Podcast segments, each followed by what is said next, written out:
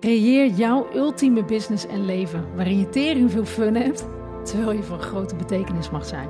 Ik ben Kirsten Boersma en dit is de Backstage of Business podcast. In deze podcast wil ik het met je hebben over groei.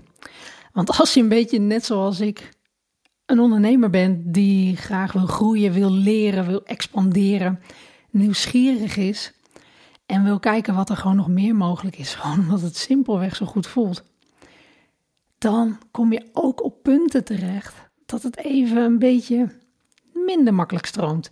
Dat je merkt dat je tegen een bepaald plafond aan loopt te boksen en dat je gewoon niet de weg ziet, hoe dan wel. En dit zie ik natuurlijk veel bij mijn klanten ook voorbij komen. En of het nou klanten zijn die bijvoorbeeld op 5000 per maand draaien, of dat het ook klanten zijn die gewoon een tonnen per jaar uh, draaien. We hebben allemaal onze eigen groeiplafonds, afhankelijk van de fase waar we gewoon in zitten. En we hebben allemaal door te groeien. We hebben allemaal onszelf te upgraden als, als ondernemer zijnde. Uh, de soort van hè, de rol die we spelen of het pak wat we aantrekken.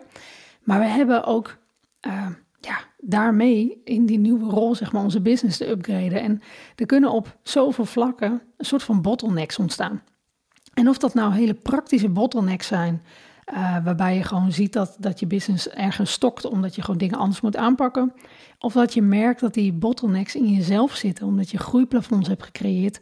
Ze zijn er altijd weer op een nieuw level. Um, dus je ontkomt er waarschijnlijk ook niet aan en dat is ook helemaal niet erg. Maar de vraag is wel, herken je het? Herken je je eigen groeiplafond? En weet je vervolgens ook wat er voor nodig is om daar doorheen te breken?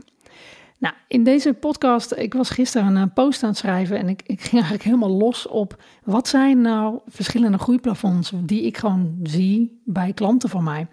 Uh, of gewoon wat ik zie aan wat mensen plaatsen op social media of de vraagstukken die ze hebben. En ik dacht, volgens mij is het gewoon leuk om een aantal typen daarin te definiëren. Want ik geloof gewoon dat vanuit helderheid een nieuwe concrete actie kan ontstaan.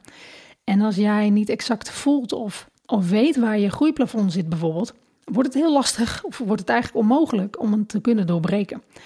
Dus met een klein beetje humor um, heb ik een aantal typen gedefinieerd. En uh, het kan zijn dat ik er nog wat persoonlijke verhalen ook bij ga vertellen, om het wat meer uh, concreter te maken voor je. Maar ik hoop dat je uh, hierin wellicht voor jezelf in één of meerdere van deze typen ondernemers met groeiplafonds jezelf kunt herkennen zodat je vanuit daar ook weer weet wat voor stappen je te zetten hebt. Nou, ik kijk er in ieder geval enorm naar uit, want uh, ik heb gewoon altijd heel veel lol als ik dit soort dingen uitschrijf. En ik mag ook graag een beetje humor toepassen, omdat ik uh, zelf van mening ben dat het ondernemerschap gewoon echt leuk is, zolang je gewoon zelf ook in wilt zien dat het leuk is.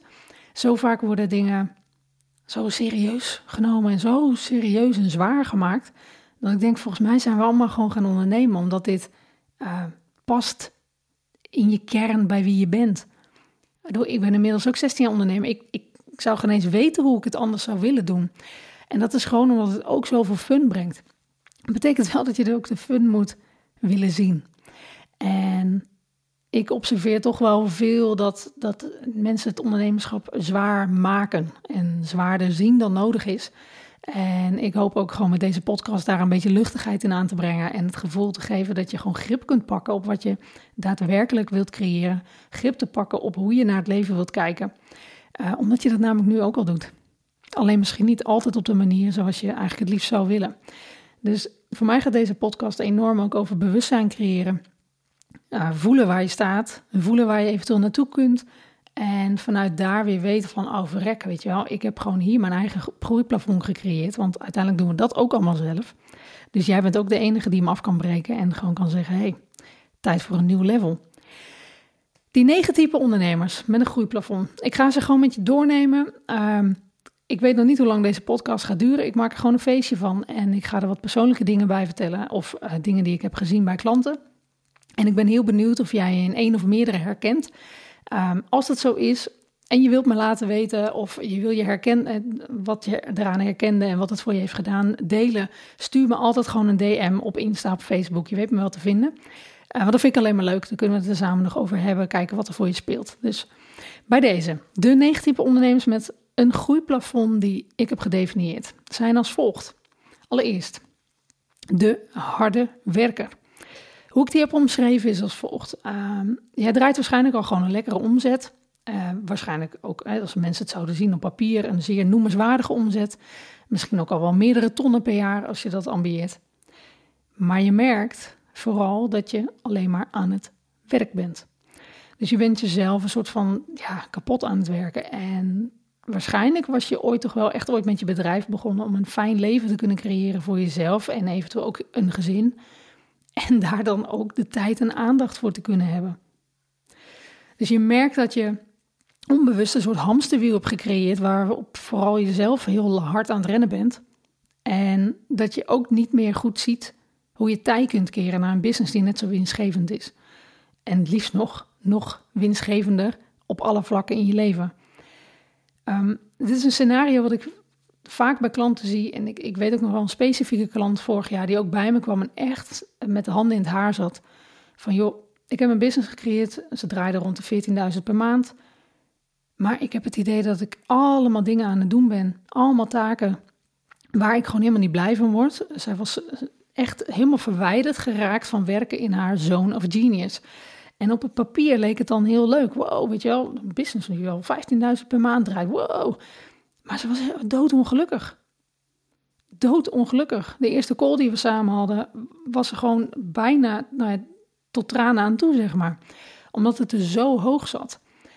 En dat is zo zonde. Het is zo'n groeiplafond die je zo enorm nekt. Want uh, ten eerste voelt het vaak heel alleen. Want met wie kun je er daadwerkelijk over praten?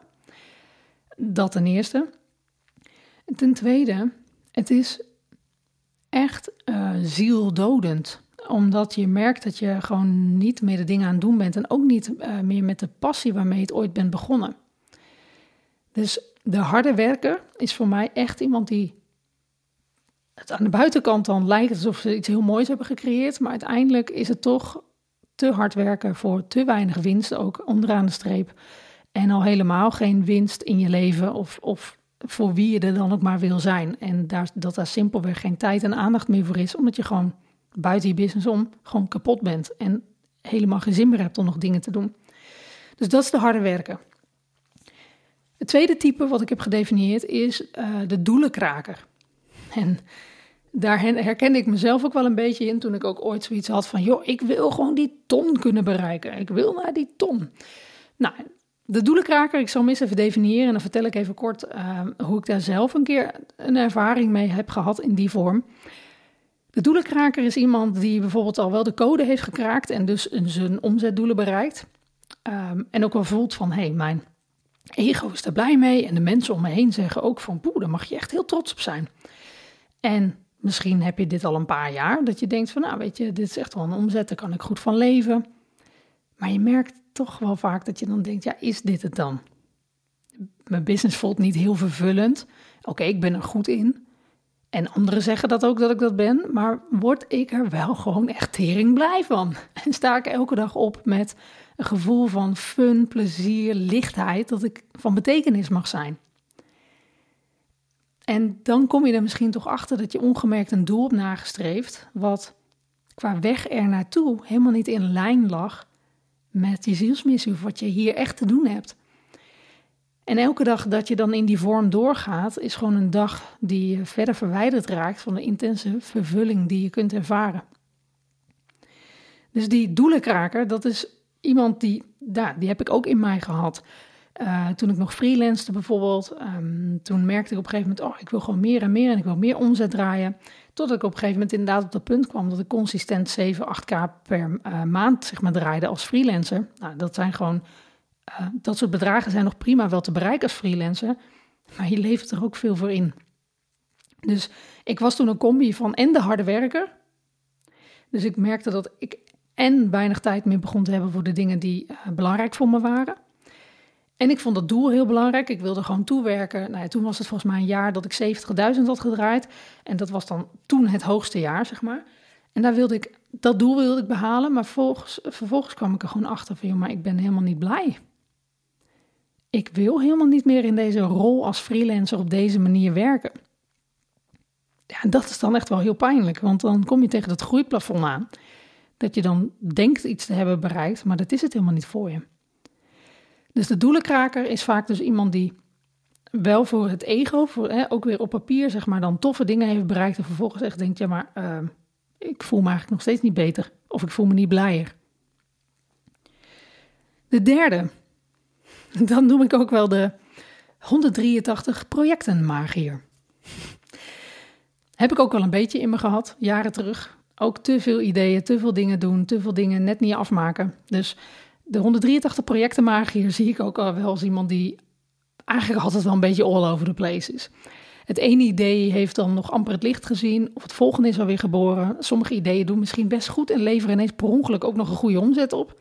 Maar niks krijgt echt de kans om groter te groeien en momentum te krijgen. Dus laat staan dat jij er dan nog tijd en aandacht geeft als het wel loopt, want je interesse gaat alweer uit naar een volgend idee. Dus je bent vooral continu bezig met van alles en nog wat. En niemand snapt nu eigenlijk wat je echt doet of welk probleem je oplost voor wie. En dit is een hele belangrijke, die laatste. What do you want to be known for? Dat zeg ik ook vaak tegen mijn klanten. Waar wil jij bekend om komen te staan? Want alleen als jij een soort van consistente boodschap creëert, kun je momentum bouwen en heel makkelijk groter groeien. Maar als je 183 projecten tegelijk doet, weet niemand voor wie je er bent en waarom. En natuurlijk, weet je, je kan gewoon geluk hebben dat eentje eruit springt en uh, goed doorgroeit. Maar dan nog steeds is het aan jou om dan leiderschap te pakken. Want die ideeën zijn vaak het leukst, weet je wel. Je bent echt zo'n artiest. Maar ja, dan komt de consistentie toevoegen, de systemen toevoegen in je business, de processen toevoegen. Daar gaat de groei vandaan komen. En als je dat groeiplafond dus niet aan wilt kijken, omdat je merkt van hé, hey, ik kan dat niet doen, of ik wil dat niet doen, uh, maar ik wil wel de groei, ja, dan heb je toch leiderschap te pakken daarop. En dat betekent ook niet dat je het zelf moet doen, want je, je kan legio dingen uitbesteden. En er zijn heel veel goede mensen die gewoon heel goed kunnen structureren. Maar dat is wel een besluit wat je dan moet nemen. En dat je zegt van hé, dit groeiplafond ga ik doorbreken. Dus de 183 projecten magier um, zijn vaak de tofste ondernemers qua ideeën, maar hebben het vaak het zwaarste qua groei, omdat ze gewoon zichzelf daarmee in de weg zitten. Um, de vierde, neem ondertussen heel veel slokkie. De vierde is de, de oei ik groei twijfelaar. Zo vaak gezien bij klanten ook. Dan gaan ze groeien. Ze gaan met mij aan het werk, ze gaan groeien. En dan komt er zo'n punt dat ze een beetje aan een max komen qua wat ze kunnen doen aan tijd en energie, wat binnen het huidige businessmodel past. En dan komt er een punt dat ze keuzes moeten maken om door te kunnen groeien, maar tegelijkertijd ineens allemaal beren op de weg zien. Van joh, ja, kan ik bijvoorbeeld nu mijn prijzen zomaar verhogen? Of gaan klanten nog wel genoeg aandacht krijgen als ik minder één op één doe, als dat bijvoorbeeld een stap zou zijn? Ik wil wel dagelijks beschikbaar blijven voor mijn klanten, maar als ik met meer mensen ga werken, kan dat niet. Of wat als ik andere coaches mijn klanten laat coachen? Gaan ze dat wel accepteren? Of wat als ik meer uren aan mijn team moet geven? Kan ik dat wel betalen? Durf ik de verantwoordelijkheid wel te nemen voor zo'n grote business? Dus het komt erop neer dat ze zichzelf uiteindelijk maar gewoon klein blijven houden, zodat ze die beslissing niet hoeven te maken. Dus ze blijven vaak heel lang op dat punt hangen dat ze ergens aan een soort max zitten, maar ze durven ook niet los te laten wat er nu is en te gaan voor een grote plaatje waarvan ze wel weten dat ze daar stiekem naartoe zouden willen groeien. Dus de oei ik groei twijfelaar, dat is nummer vier. Nou, nummer vijf, daarbij heb ik opgeschreven de wie ben ik filosoof. De wie ben ik filosoof ze doet eigenlijk niks anders dan continu in zijn of haar hoofd zeggen: wie ben ik om? Puntje, puntje, puntje. En vul daar dus in wat je jezelf vertelt om iets niet te kunnen bereiken. En je hebt eindeloos veel antwoorden op deze vraag. Waarom het allemaal niet mogelijk zou zijn om te groeien.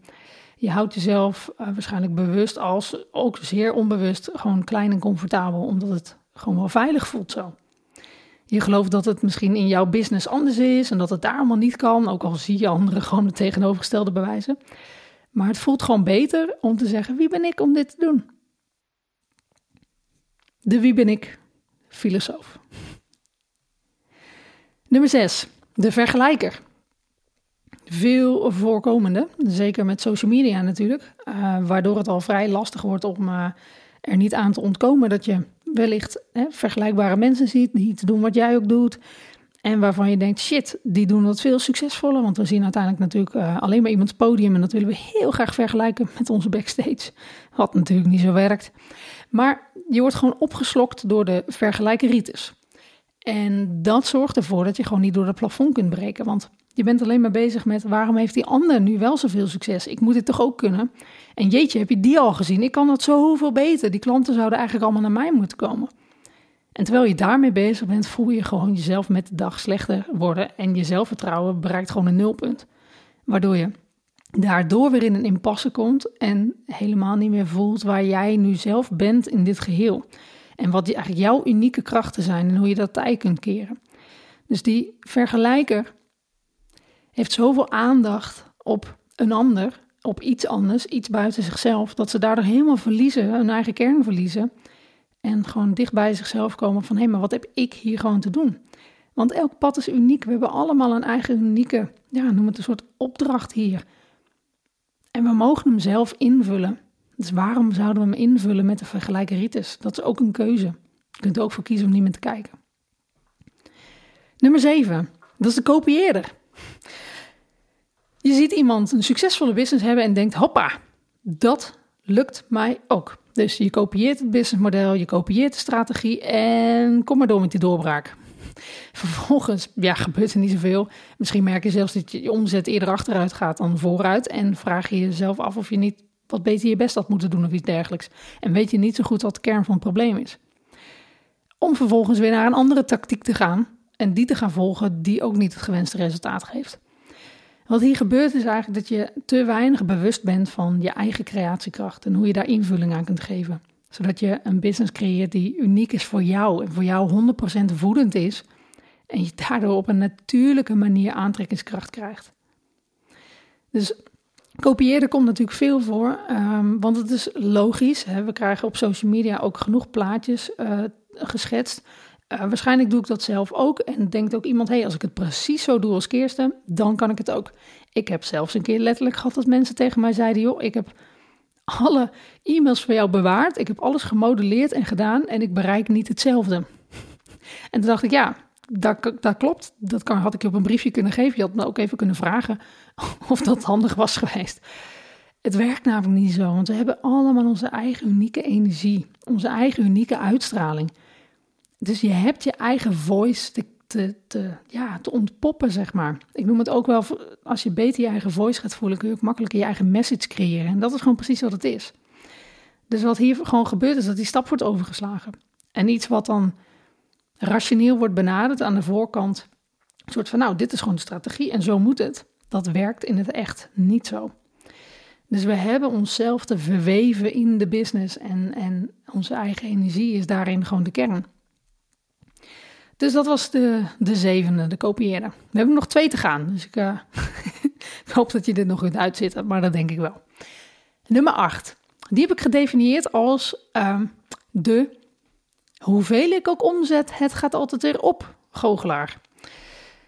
Je bent gewoon een goochelaar met geld. Zodra er ook maar enigszins cashflow in je business begint te komen, ga je het weer uitgeven. En vaak is dit een onbewust patroon. Het kan ook zijn dat er gewoon uh, ik noem maar wat, uh, bepaalde overtuigingen zitten van hé, hey, uh, als ik bewijzen van veel geld heb, word ik een slecht mens. Sommige mensen hebben dat patroon draaien, sommige mensen hebben vanuit hun ouders patronen draaien van hé, hey, geld mag je gewoon niet houden of het moet altijd maar gewoon schaars zijn of we hebben het nooit. Maakt niet uit wat erachter zit, maar heel waarschijnlijk, ik durf voor 99% wel te zeggen dat er een bepaald patroon achter zit waardoor jij in dat cirkeltje blijft draaien. Um, misschien heb je wel het gevoel dat iemand anders er slechter van wordt als jij geld verdient. Dus dat er een soort beperking is qua geld in de wereld. Um, en daarmee weet je waarschijnlijk ook niet hoe je goed kunt investeren in de groei van je business, zodat je momentum gaat bouwen. Want we hebben cashflow nodig, we hebben geld nodig om momentum te creëren. En doordat je dan steeds uitgeeft en dat het er niet is, blijf je in zo'n soort cirkeltje hangen en blijft die echte groei uit, die echte exponentiële groei. Dus de hoeveel ik ook omzet, het gaat altijd weer opgoochelaar. Die uh, herken ik zelf ook al een beetje in mij. Ik ben ook iemand die graag blijft, uh, geld blijft uitgeven. Maar ik heb dat gelukkig wel weten om te draaien naar dat uh, ja, ik wil niet zeggen verstandig, want het woord verstandig ten aanzien van geld wordt heel wisselend geïnterpreteerd. Laten we het daar behouden. Ik denk dat waar mijn ouders dingen verstandig vonden, vond ik hele andere dingen verstandig met geld. Maar ik heb voor mezelf bepaald van, hé, hey, maar wat vind ik belangrijk? wat wil ik creëren voor later? Wat wil ik nog meer creëren naast mijn business? En hoe kan ik ervoor zorgen dat ik daar naartoe groei? En hoe moet het geld verdeeld en gemanaged worden om daar te kunnen komen? En dat betekent dus dat je dus bewuster gaat uitgeven en bewuster, um, ja, niet zozeer gaat vasthouden, maar bewuster potjes creëert waar je het aan uit wilt geven. Um, dus die cashflow altijd maar ja, meteen uitgeven of meteen, meteen maar iets mee doen wat niet per se de groei van je business is, uh, dat is gewoon een groeiplafond. En dat zorgt er juist voor dat je dus niet verder kunt groeien. Dus het kan best wel zijn dat je gewoon 20k per maand draait. Maar als je aan het eind van de rit gewoon geen winst overhoudt en niet weet hoe je het geld moet managen, ga je ook niet doorgroeien. Of je nou wil of, wil of niet, gaat gewoon niet gebeuren. Um, de negende, de allerlaatste, die heb ik gedefinieerd als de, de struggle bunny. Dus misschien herken het wel. Um, je bent misschien in je omgeving al bijna beroemd om je eindeloze doorzettingsvermogen. Mensen die waarderen jou er zelfs om. Uh, maar zo trots ben je daar zelf niet op. Want je kan misschien wel veel doorzettingsvermogen hebben, maar niks lijkt gewoon moeiteloos te gaan bij jou. En misschien herken je het wel, dat, dat is vaak zo'n zin. Misschien zeg je hem in je hoofd op, misschien zeg je hem stiekem toch best wel vaak hardop op. De zin heb ik weer. Die had je ongeveer uitgevonden kunnen hebben. Ehm, en pas goed op je woorden, want eh, woorden manifesteren precies wat je uitzendt. Dus als jij gewoon zegt, heb ik weer, dan zegt het universum gewoon, joh, mooi, was het nog niet genoeg? Hier heb je nog wat. Dus misschien bereik je ergens wel doelen, maar de weg ernaartoe, eh, dat is gewoon alles behalve makkelijk. En je krijgt gewoon eindeloos veel obstakels te verwerken. Dus de groei die je graag zou zien, lijkt gewoon een eindeloze weg te worden daarvoor. En dat is omdat je continu in die soort van ja, struggle bunny rol zit. Dat je continu denkt, ik moet hard werken, ik moet ervoor vechten, ik moet dit doen, ik moet dat, ik moet zus. En oh jeetje, weer een tegenslag overkomt mij weer. Dat is gewoon een, het is een keuze om zo naar dingen te kijken. Dus als je dat bij jezelf gaat herkennen, dat patroon, dan kun je er ook daadwerkelijk wat aan doen en ervoor zorgen dat je dat groeiplafond kunt doorbreken. Dus we hebben gehad, even in de opzomming, we hebben de harde werker, dat is één. Nummer twee was de doelenkraker. Nummer drie was de 183 projecten magier. Nummer vier was de oei, ik groei twijfelaar. Nummer vijf, de wie ben ik filosoof. Nummer zes, de vergelijker. Nummer zeven, de kopieerder. Nummer acht, de hoeveel ik ook omzet, het gaat altijd weer op, goochelaar. En de struggle bunny. Waarschijnlijk zijn er een aantal dingen wel geweest waar je in kunt herkennen. En dat is ook, dat is enerzijds gewoon normaal. De, er is nooit geen groeiplafond, laat ik het zo zeggen. Want we zijn altijd nu bezig in een fase en die heeft een bepaald plafond. En het kan best wel zijn dat je dus uh, in een aantal van deze omschrijvingen heel goed kunt herkennen. En nu is het gewoon meer de, ja, de taak aan jou om, als jij gewoon graag die groei die je voor jezelf ziet, omdat je nieuwsgierig bent en omdat je een bepaalde impact wilt maken, dat je die voor je ziet, wordt het zaak om gewoon heel eerlijk te gaan kijken van hé, hey, hoe sta ik er nu in? Ben ik misschien een van deze negen ondernemers? Heb ik gewoon een bepaald plafond te doorbreken? En creëer daar helderheid op van wat heb ik te doen? Waar zit het hem in? Waar mag ik mijn angst aankijken? Waar mag ik een nieuw pad creëren? Gewoon simpelweg omdat we de keuze hebben elke dag weer om het anders te doen. Ik hoop dat dit je inspireert. Laat me zeker weten ehm, in welke ondernemer jij je herkent of uh, waar wat dingen in zitten. Stuur mij gewoon een DM op. Uh, als je deze podcast tof vond, deel het zeker. Want ik denk dat dit iets is waar uh, heel veel mensen zich in kunnen herkennen. En als je het fijn vindt en leuk vindt, uh, zou ik het enorm waarderen als je een, eh, een hoe heet het, een review wil achterlaten op Apple Podcasts app. Um, geef sterretjes, geef een tekst erbij. Ik vind alles leuk, zeker om het terug te lezen. Want dan weet ik ook waar ik het voor doe. Want ik zie deze podcast ook absoluut als een co-creatie. Want ja, zonder luisteraars heb je geen podcast in mijn optiek. Dan is het gewoon een opgenomen audio waar uh, verder niet naar wordt geluisterd. En een podcast gaat voor mij over interactie, het feit dat er luisteraars zijn. Dus dankjewel dat je deze podcast hebt geluisterd. Je weet me te vinden, stuur me een DM. Hartstikke leuk om met je in contact te komen. En als je een review wil achterlaten, wordt het zeer gewaardeerd. Dus tot een volgende keer weer. Dankjewel lieve luisteraar dat ik deze podcast kan maken dankzij jou. Voel je vrij om je inzichten te delen en mij te taggen op Instagram. En bedank vooral ook jezelf dat jij elke keer weer bewust kiest wat jij liefde en aandacht geeft.